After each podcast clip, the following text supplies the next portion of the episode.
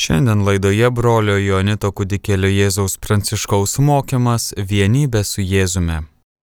Tėvas su sunumi ir sunus su tėvu šventosios dvasios gale, ta pačia šventosios dvasios gale, kurią mums suteikia Jėzaus mirtis ant kryžiaus, didžiausia įmanoma meilės išraiška. Nėra didesnės meilės, kaip gyvybę už draugus atiduoti. Mes matom, kad ta pati šventoji dvasia įvykdo tą pačią vienybę tarp mūsų ir Dievo, kokia yra paties Dievo trejybės slėpinė. Ir ne tik tarp manęs ir Dievo, bet tarp manęs ir mano brolio ir sesers. Tegul ir jie bus viena mumyse, jie kartu bus viena mumyse.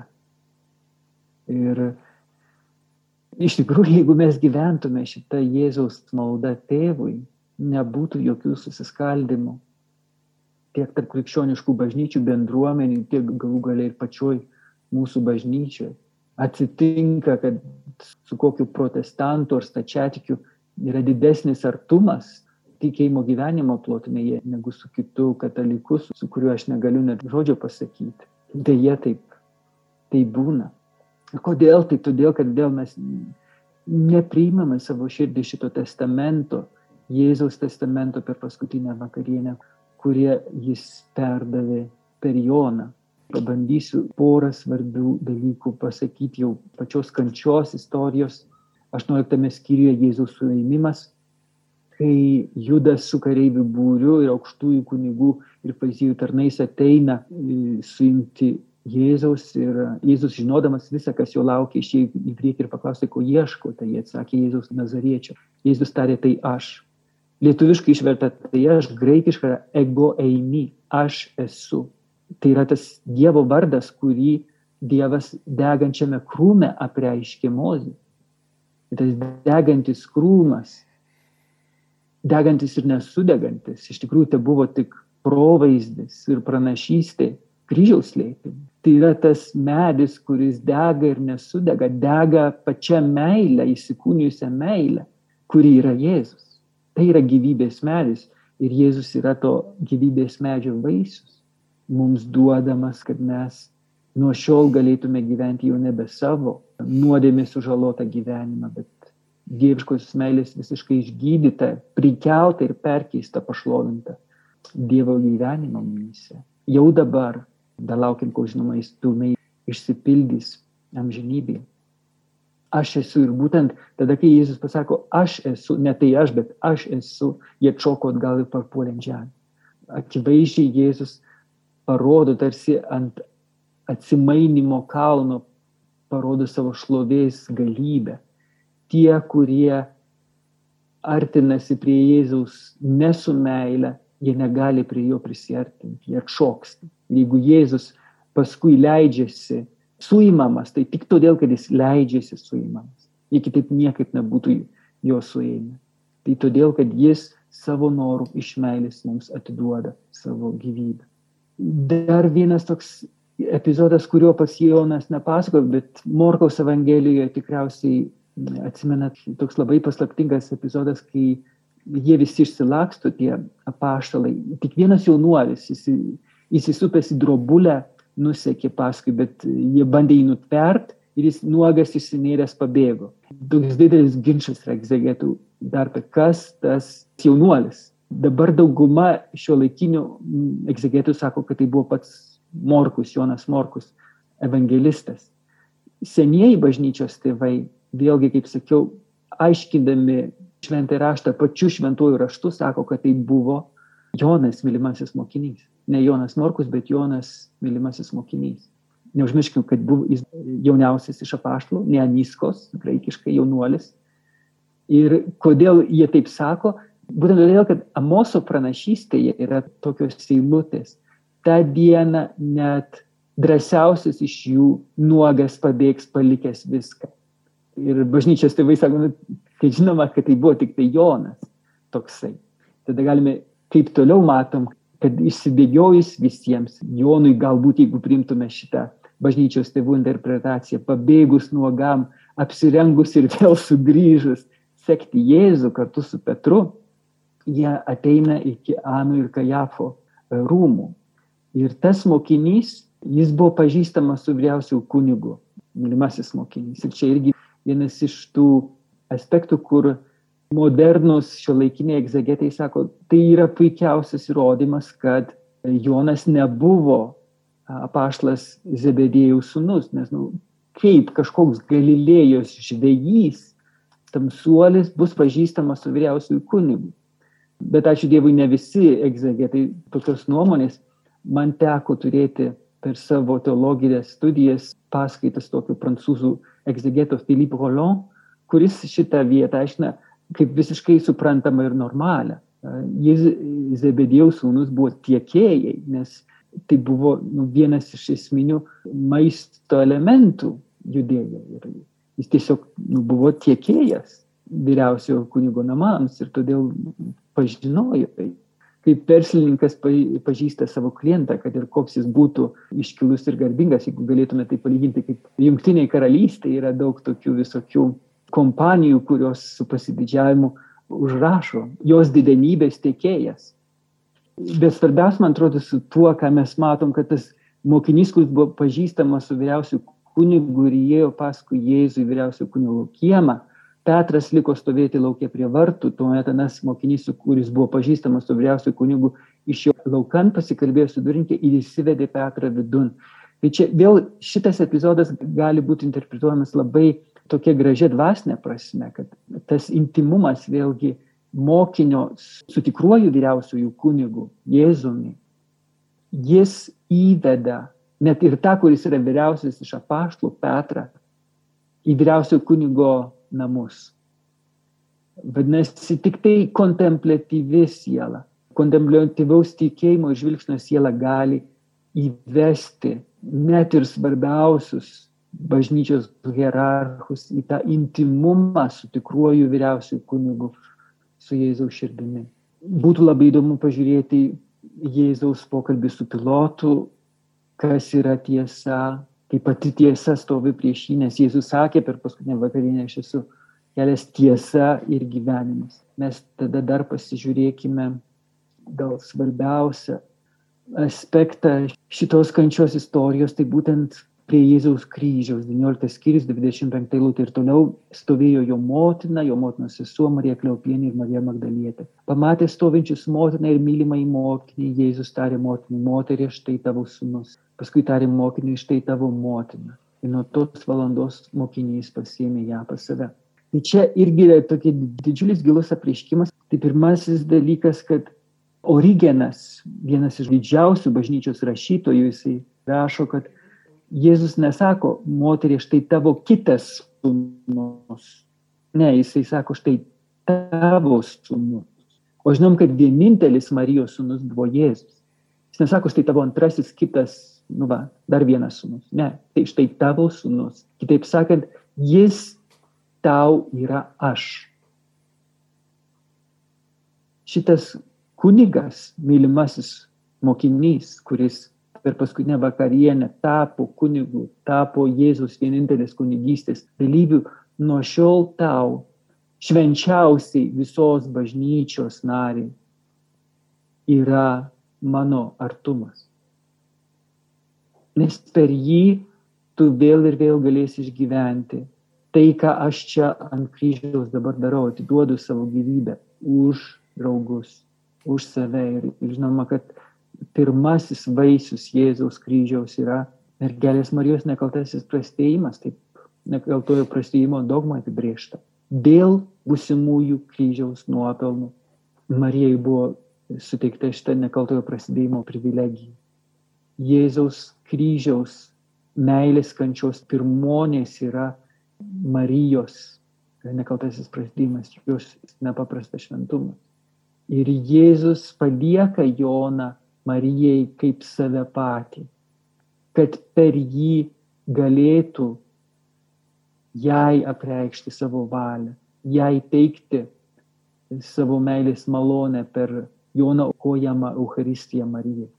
Žinoma, kad Marija, ko gero, daugiau mokė Joną negu Jonas Marija, bet, bet čia vėl yra tas labai paradoksalus ir įdomus slėpinys, kuris nuolat veikia bažnyčiai, kad mažiau šventi bažnyčios nariai, kaip dvasios tėvai ar dvasios motinos vadovauja dažnai daug, daug už juos šventesniems sieloms.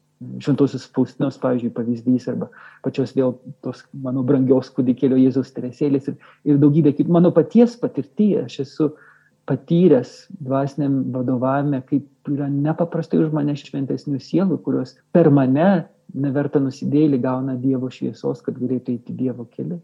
Ir būtent šitą slėpinį mes matom čia prie kryžiaus. Ir nuo tos valandos mokinys pasiėmė ją pas save. Ir čia vėl būtų labai gražu, įdomu pasigilinti, kaip Jėzus, Jonas buvo vienintelis kunigas iš tų dvylikos išventintų apaštalų kunigų, kuris savo akimis regėjo, ką reiškia Euharistija.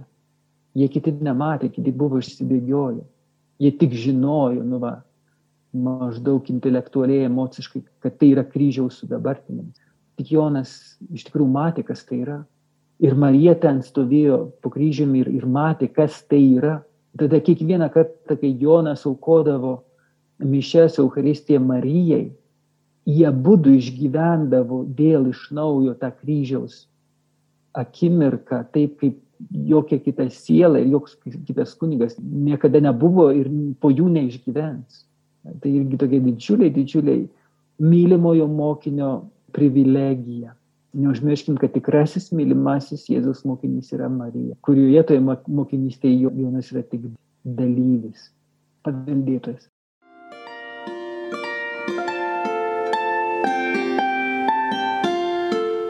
Jūs girdite Marijos radiją.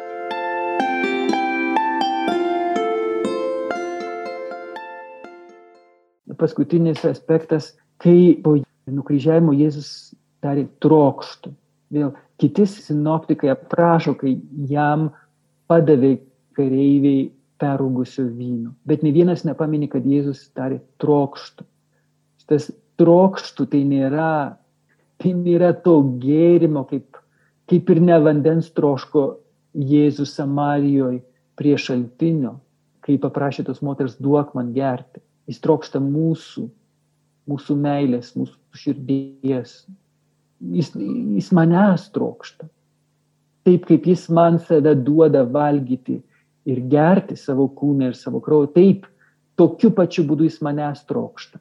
Mane suvalgyti ir mane išgerti, kad aš nuo šiol tapčiau jo kūno dalis, kad aš tapčiau jo krauju, kad mes taptume vienas kūnas. Ir galiausiai po Jėzaus mirties, kai kitiems kartu su nukryžiuotėsiems kareiviai sulaužė blauzdikaulius, Jėzaus blauzdų nelaužė, kad išsipildytų tas raštas, ne vienas jo, reiškia, to dalykinio avinėlio kaulas nebus sulaužytas. Ir svarbiausia, galutinis apreiškimas, kuris jau yra nebe žodinis apreiškimas, bet vėl kūno kalbos apreiškimas.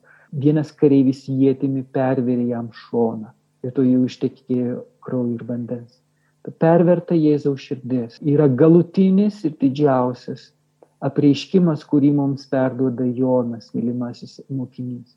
Kad Jėzaus širdis, kuri yra tėvo širdis, nes kas mato mane, mato tėvą, Jėzaus širdis yra tėvo širdis. Kai mūsų nuodėmis, išdavystės, abejingumas, visas šlikštumas blogio perveria Jėzaus širdį, jie perveria tėvo širdį bet tas tėvo širdies pervėrimas per Jėzaus širdį, vėlgi paradoksaliai, tai yra tėvo ir sunaus širdies pergalė prieš nuodėmę, kadangi ta perverta Jėzaus širdis reiškia, kad nuo šiol prarastojo rojaus vartai vėl man yra atviri. Aš vėl galiu grįžti pas tėvą. Eiston kolpon tų patros yra. yra Kavaliauskas verčia tėvo prieglopstie, pažodžiui būtų tėvo iščiose. Ir tas pats eiston kolpon, žodis, kuris yra tėvo iščiose, Jono prologe, tas pats žodis yra vartojamas, kai Jonas yra prisiglaudęs prie Jėzaus krūtinės, eiston kolpon tų Jėzų. Taip kaip pats žodis yra eiston kolpon tų patros tėvo artumoje, taip Jonas yra Jėzos artumoje, tarsi įkūnymas to 17 skyrius 21 eilutės, kaip aš tėvė ir tėvas mane, taip ir jūs esate viena mumise. Ir to nesuvokiamo intimumo galimybė mums yra išreikšta būtent šitą paskutiniu be žodžių Jėzaus kūno kalbos e, ženklų, jų perverta širdimi, per kurią, per tą, per tą pervertą širdį aš nuo šiol galiu įžengti ne tik į šventovę, nes Jėzaus kūnas yra tikroji šventovė, ar neprisiminkim, kaip Evangelijos pradžioje Jonas kalbėjo apie Jėzaus kūno šventovę, bet netgi pačia šventųjų šventovė. Mes nuo šiol esame įleidžiami į giliausias Dievo intimumo gelmes, ten, kur tik pats sunus te gali būti, nes niekas tėvo nepažįsta tik sunus ir kam sunus panorės apreikšti, būtent per šitą savo pervertus širdies lėpinį. Ir tikiu, kad tikrai su meile ir tų kontemplatyvių tikėjimų skaitydami jūs tikrai galėsite išvelgti tai, ko nebeturėjau laiko pasidalinti šį vakarą. Ačiū. Kviečiam užduoti klausimus. Ar būtų galimybė šventų Velykų laikotarpiu draugė su broliu Pranciškumi iš meilės perspektyvos žvelgti į apreiškimą Jonui, belaukiant mylimo Jėzaus sugrįžtant. Tai aš sakyčiau, kad tikrai galima žvelgti iš meilės perspektyvos kartu su Jonu, apreiškimo šviesoje mylimo Jėzaus sugrįžtant. Aš manau, kad tikrai broli Pranciškų reikėtų palikti gal jo pašaukimui Nes mano pašaukimas dabar yra būti kaip tų grūdų, kuris krinta į žemę ir apmiršta, kad neštų vaisius. Jeigu jūs visiškai apstysite tą grūdą, iš žemės jis taip niekad ir nenumirs, ir nesudiks, ir neneš vaisiaus. Tai aš tikrai tikiuosi jūsų supratimo ir leidimo man va, gyventi šitą pašaukimą. Šarūnės klausimas. Ką reiškia Jėzaus žodžiai apie judą? Geriau jam būtų buvę neginti. Nors čia iš Morkaus Evangelijos. Iš tikrųjų tai labai sudėtingas klausimas. Ir aš esu tikrai daug apie jį mąstęs, bet jau labai seniai. Dabar turėčiau prisiminti, ką aš ten buvau išmastęs. Gal e, grįžkim prie šito klausimo truputėlį vėliau, gerai? E, gal man sugrįš į atmintį tie esminiai dalykai, kaip šitą sunkia vietą aiškinti. A, tikrai, vienas iš dalyvių man e, žinutę priminė, kad kažkada buvo išleista mano knygelė apie Velykų tridienį, kuris vadinasi Dievo galybė ir Dievo paslaptis. Tai iš tikrųjų, jeigu norite, galite ją paskaityti. Turėtų dar būti keletas egzempliorių mūsų vienuolinė Vilniuje nusipirkti. O jeigu nebėra, tai aš esu įkėlęs tos knygelės tekstą į savo akademija.edu e, profilį. Ten reikėtų ieškoti angliškai mano vardas Francis of the Child Jesus, arba mano, tiesiog mano pavardė nekrošis, tai ten galima rasti tos knygelės tekstą, tai irgi gal padės jums labiau pasigilinti. Sigita iš palangos klausė Jono 13.15, ką iki galo, ką reiškia šitie žodžiai. Aš jums daviau pavyzdį, kad ir jūs darytumėte, kaip aš jums dariau. Taip, taip būtent, kad mes irgi taip, kaip Jėzus mus priima į savo artumą, į savo e, dieviško gyvenimo gelmes, į savo širdį, kad ir mes taip pat vienas kitą priimtume. O čia yra iš tikrųjų didžiausia ir sunkiausia išgyventi krikščioniško gyvenimo paslaptis. Slėpinys, kad mes esame pašaukti būti viena ne tik su Dievu, kaip tėvas ir sunus yra viena šventojo dvasioje, bet kad mes esame pašaukti tokią pačią vienybę ir vieni su kitais danguje jau bus lengva ir paprasta tą vienybę išgyventi, tą intimumą ir artumą. Bet um, kol esame šiame pasaulyje, šiame gyvenime, tas yra labai sunku. Tai yra, yra būtent čia yra, ko gero, tas įsakymas, didysis įsakymas, darykite, kaip aš jums padariau. Jėzus sako, kad jūs esate mano draugai, jeigu darote tai, ką jums įsakau. Tai būtent tas įsileidimas vienas kito į savo dvasinio gyvenimo gelmes. Tai nereiškia, kad aš dabar čia turėčiau viešai dvasiškai apsinuoginti prieš visą pasaulį.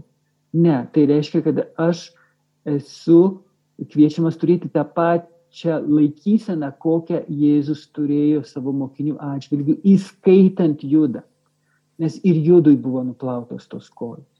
Ir kad tas atvirumas gali iš tikrųjų kelti didžiulę kančią, tokią, kokią kėlė Jėzui Aišku, nepalyginti mūsų kančios su, su tai, ką Jėzus kentėjo dėl išdaviko.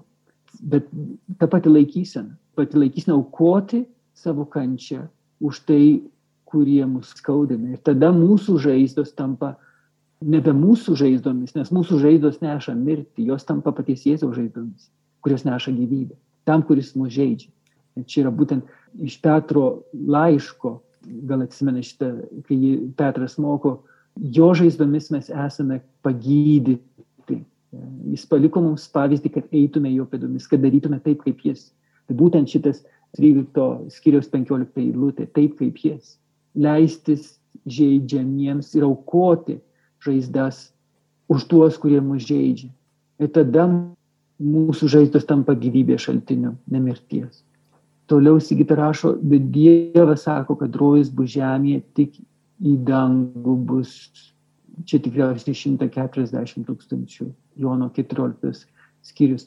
Žinot, reikia labai atsargiai, ypač su apokalipse, ypač su apokalipse, e, su interpretacija tiesiogiai interpretuoti, nes tai yra didelis pavojus fundamentalizmo. Ir fundamentalizmas yra didžiulė klaida. Mes negalime visų šventų rašto žodžių imti pažodžiui. Ir netgi tuos, kuriuos imame pažodžiui, jų dvasinė prasme yra daug gilesnė negu pažodinė prasme.